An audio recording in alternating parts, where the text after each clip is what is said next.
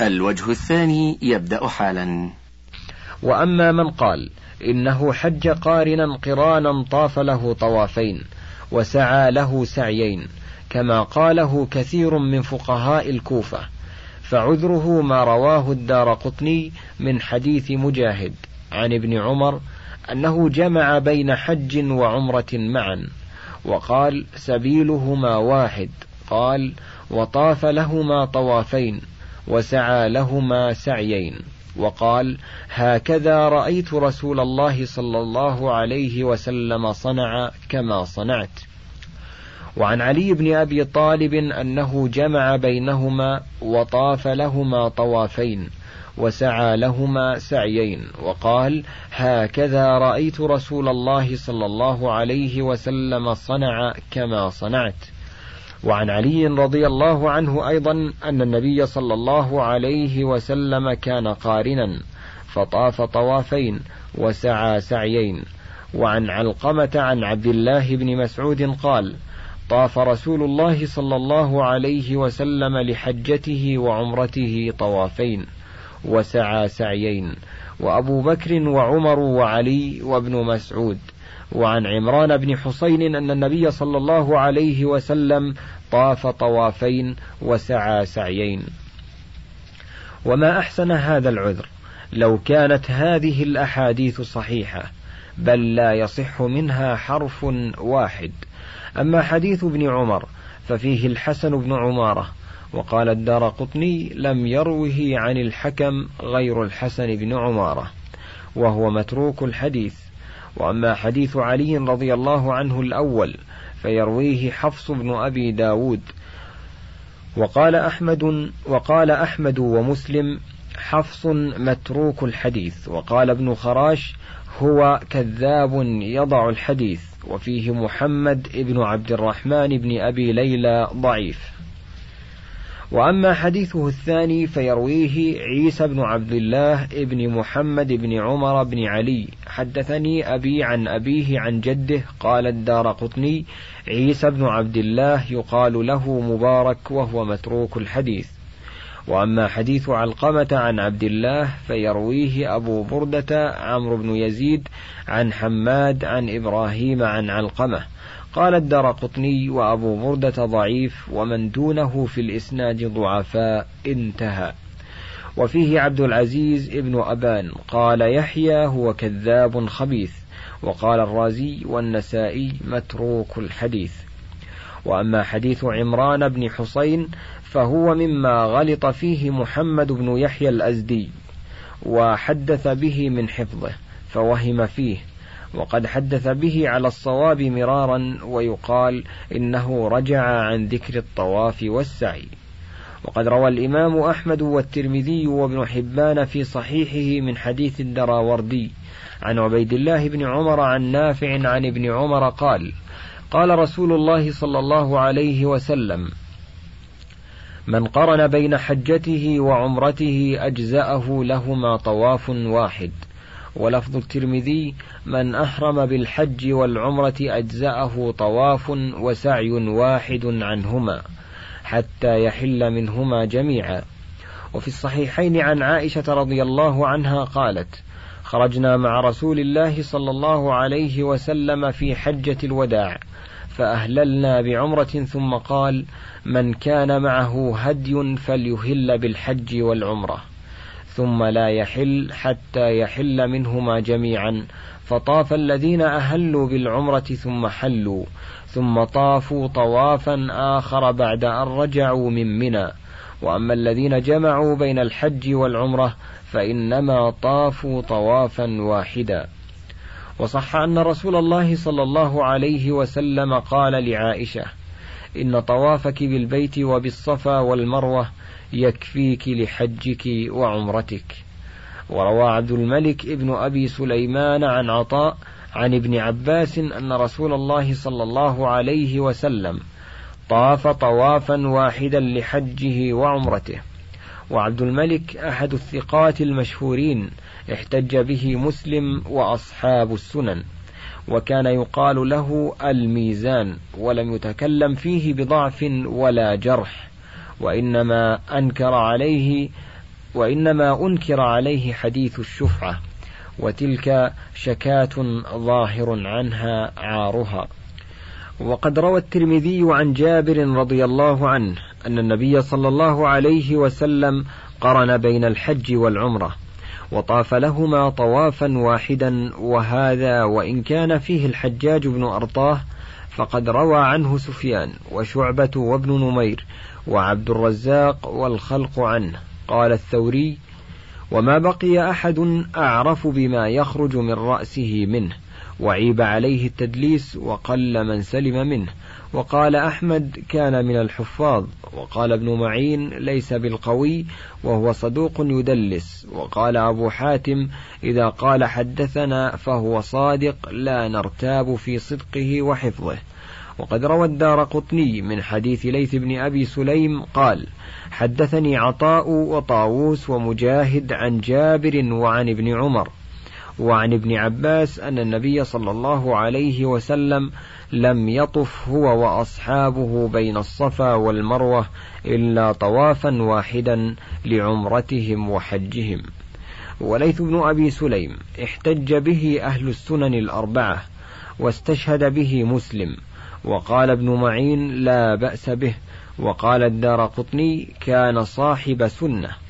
وإنما أنكروا عليه الجمع بين عطاء وطاووس ومجاهد حسب. وقال عبد الوارث كان من أوعية العلم وقال أحمد مضطرب الحديث.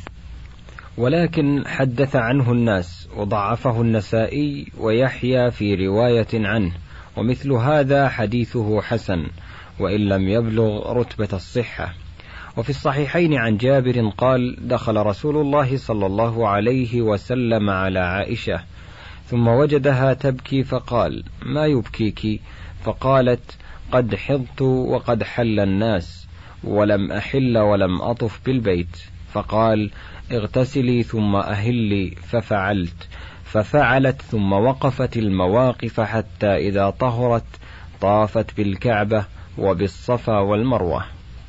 ثم قال قد حللت من حجك وعمرتك جميعا وهذا يدل على ثلاثة أمور أحدها أنها كانت قارنة والثاني أن القارن يكفيه طواف واحد وسعي واحد والثالث أنه لا يجب عليها قضاء تلك العمرة التي حاضت فيها ثم أدخلت عليها الحج وأنها لم ترفض إحرام العمرة بحيضها وإنما رفضت أعمالها والاقتصار عليها.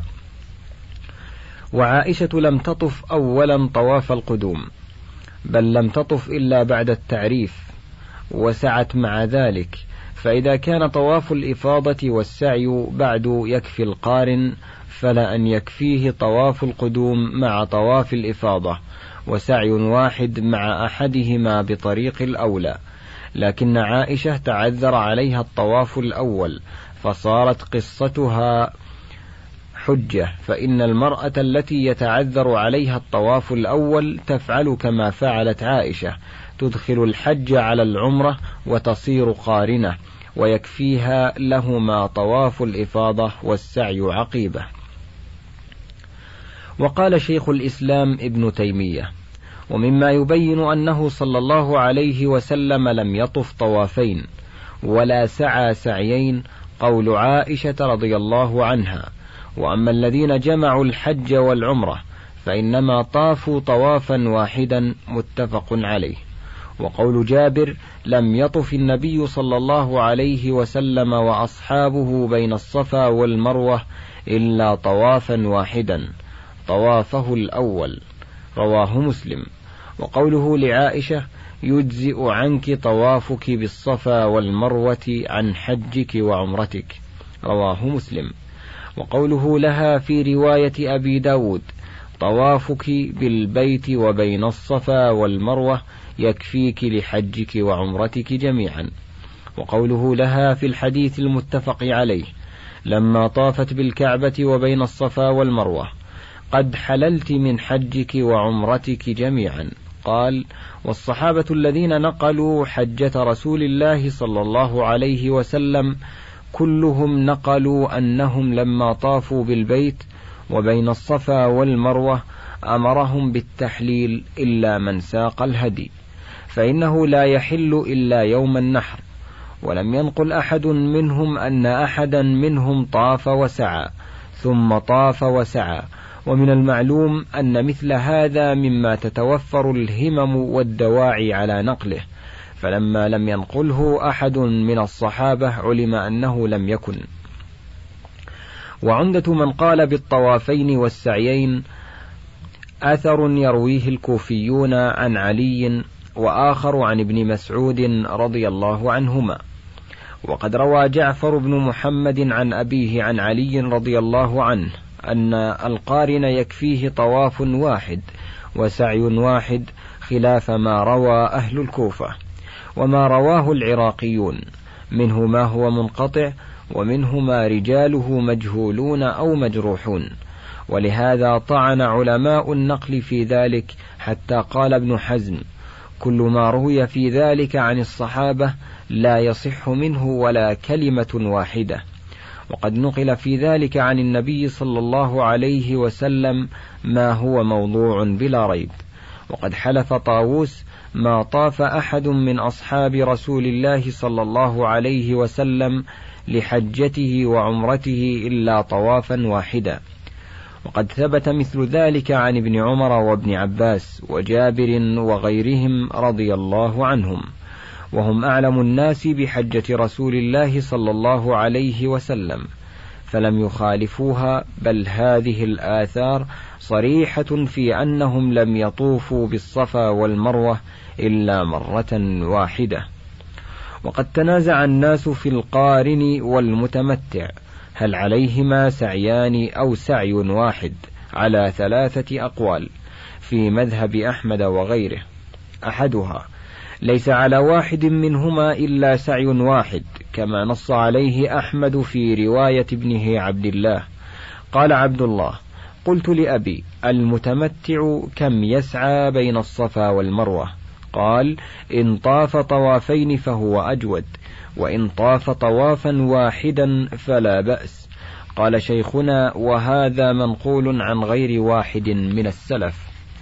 الثاني المتمتع عليه سعيان والقارن عليه سعي واحد وهذا هو القول الثاني في مذهبه. وقول من يقوله من أصحاب مالك والشافعي رحمهما الله. والثالث أن على كل واحد منهما سعيين كمذهب أبي حنيفة رحمه الله. ويذكر قولا في مذهب أحمد رحمه الله والله أعلم. والذي تقدم هو بسط قول شيخنا وشرحه والله أعلم. فصل. وأما الذين قالوا إنه حج حجا مفردا اعتمر عقيبه من التنعيم فلا يعلم لهم عذر البتة إلا ما تقدم من أنهم سمعوا أنه أفرد الحج وأن عادة المفردين أن يعتمروا من التنعيم. فتوهموا أنه فعل كذلك. فصل. وأما الذين غلطوا في إهلاله فمن قال إنه لبى بالعمرة وحدها واستمر عليها فعذره أنه سمع أن رسول الله صلى الله عليه وسلم تمتع. والمتمتع عنده من أهل بعمرة مفردة بشروطها. وقد قالت له حفصة رضي الله عنها ما شأن الناس حلوا ولم تحل من عمرتك.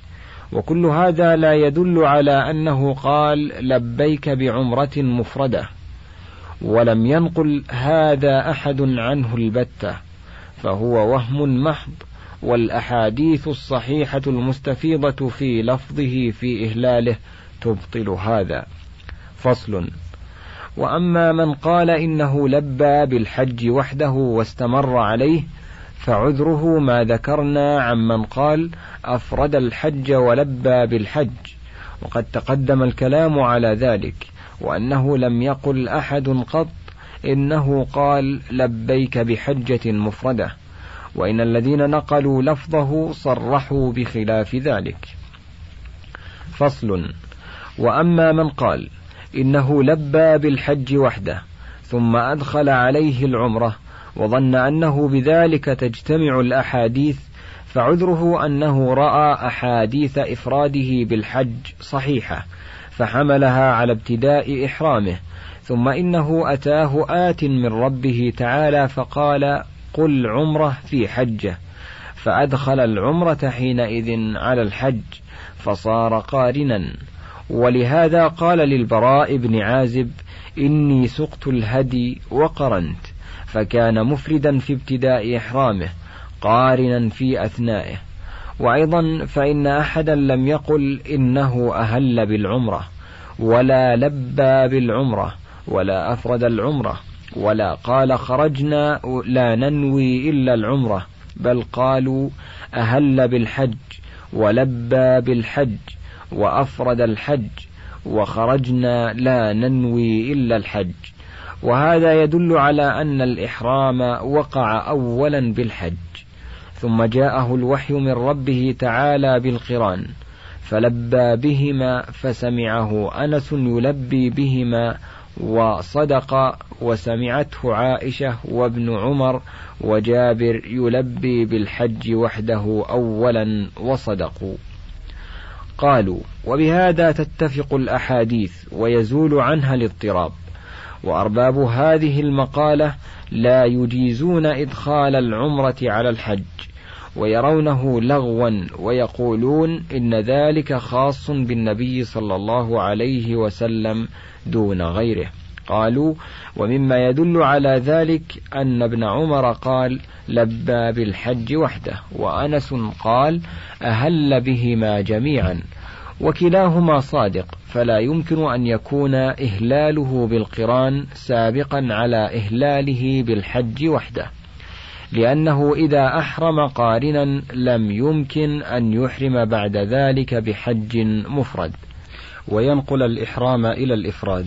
فتعين أنه أحرم بالحج مفردا فسمعه ابن عمر وعائشة وجابر فنقلوا ما سمعوه ثم أدخل عليه العمرة. فأهل بهما جميعا لما جاءه الوحي من ربه.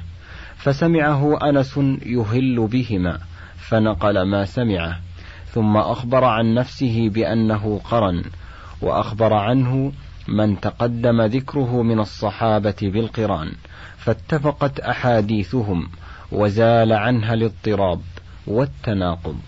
قالوا ويدل عليه قول عائشة خرجنا مع رسول الله صلى الله عليه وسلم فقال من أراد منكم أن يهل بحج وعمرة فليهل ومن أراد أن يهل بحج فليهل ومن أراد أن يهل بعمرة فليهل.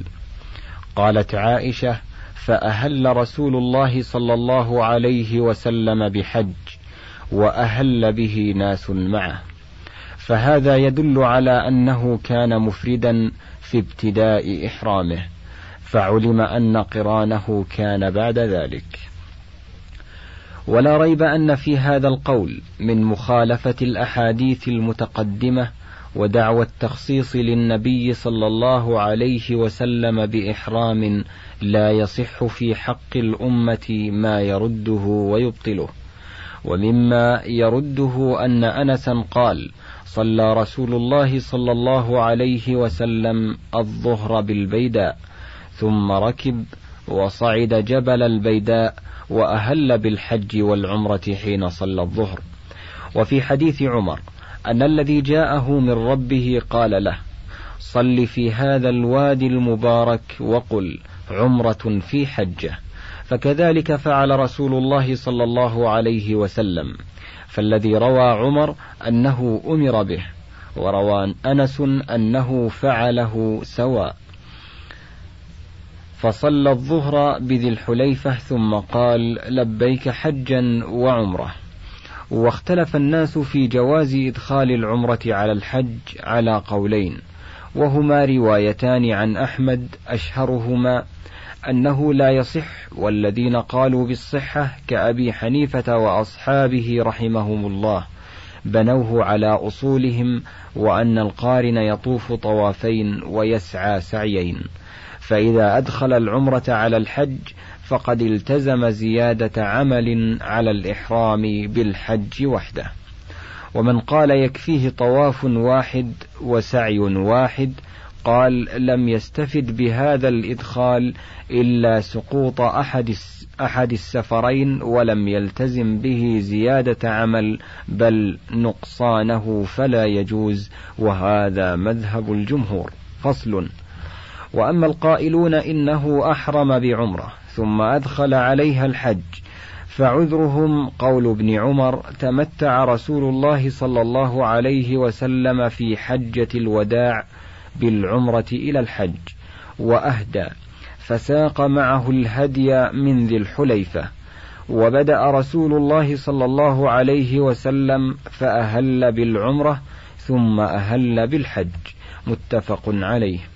وهذا ظاهر في أنه أحرم أولا بالعمرة ثم أدخل عليها الحج ويبين ذلك أيضا أن ابن عمر لما حج زمن ابن الزبير أهل بعمرة ثم قال أشهدكم أني قد أوجبت حجا مع عمرتي وأهدى هديا اشتراه بقديد ثم انطلق يهل بهما جميعا حتى قدم مكة فطاف بالبيت وبالصفا والمروة ولم يزد على ذلك ولم ينحر ولم يحلق ولم يقصر ولم يحل من شيء حرم منه حتى كان يوم النحر فنحر وحلق.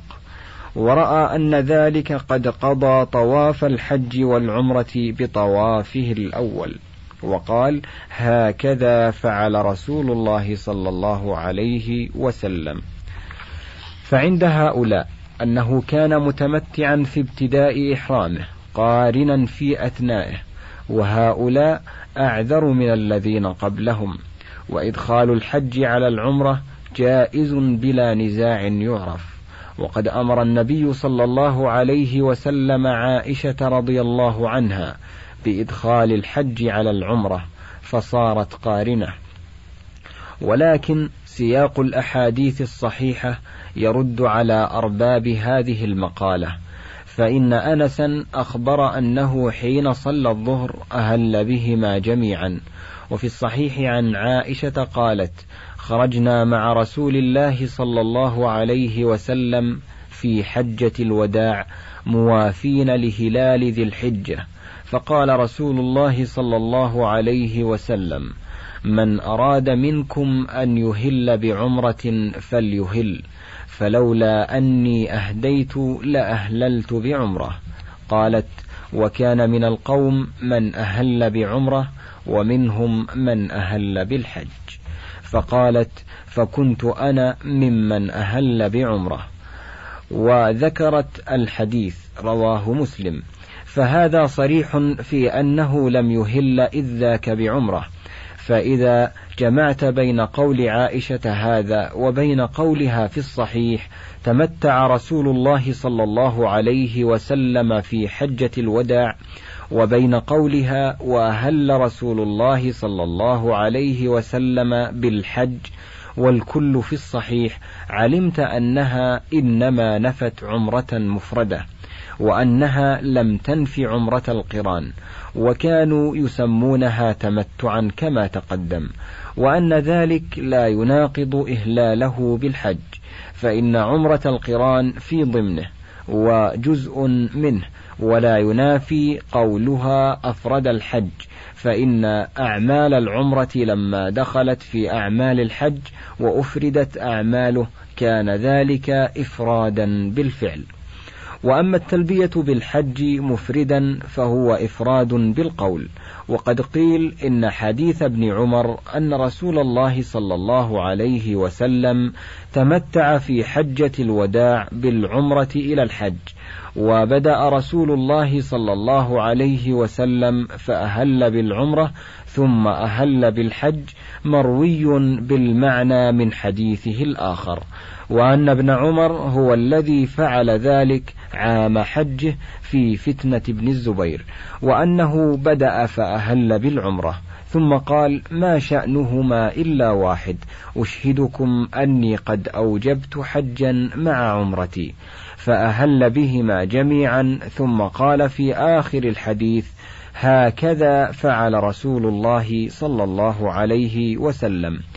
وإنما أراد اقتصاره على طواف واحد وسعي واحد فحمل على المعنى وروي به أن رسول الله صلى الله عليه وسلم بدأ فأهل بالعمرة ثم أهل بالحج وإنما الذي فعل ذلك ابن عمر وهذا ليس ببعيد بل متعين فإن عائشة قالت عنه لولا أن معي الهدي لأهللت بعمرة.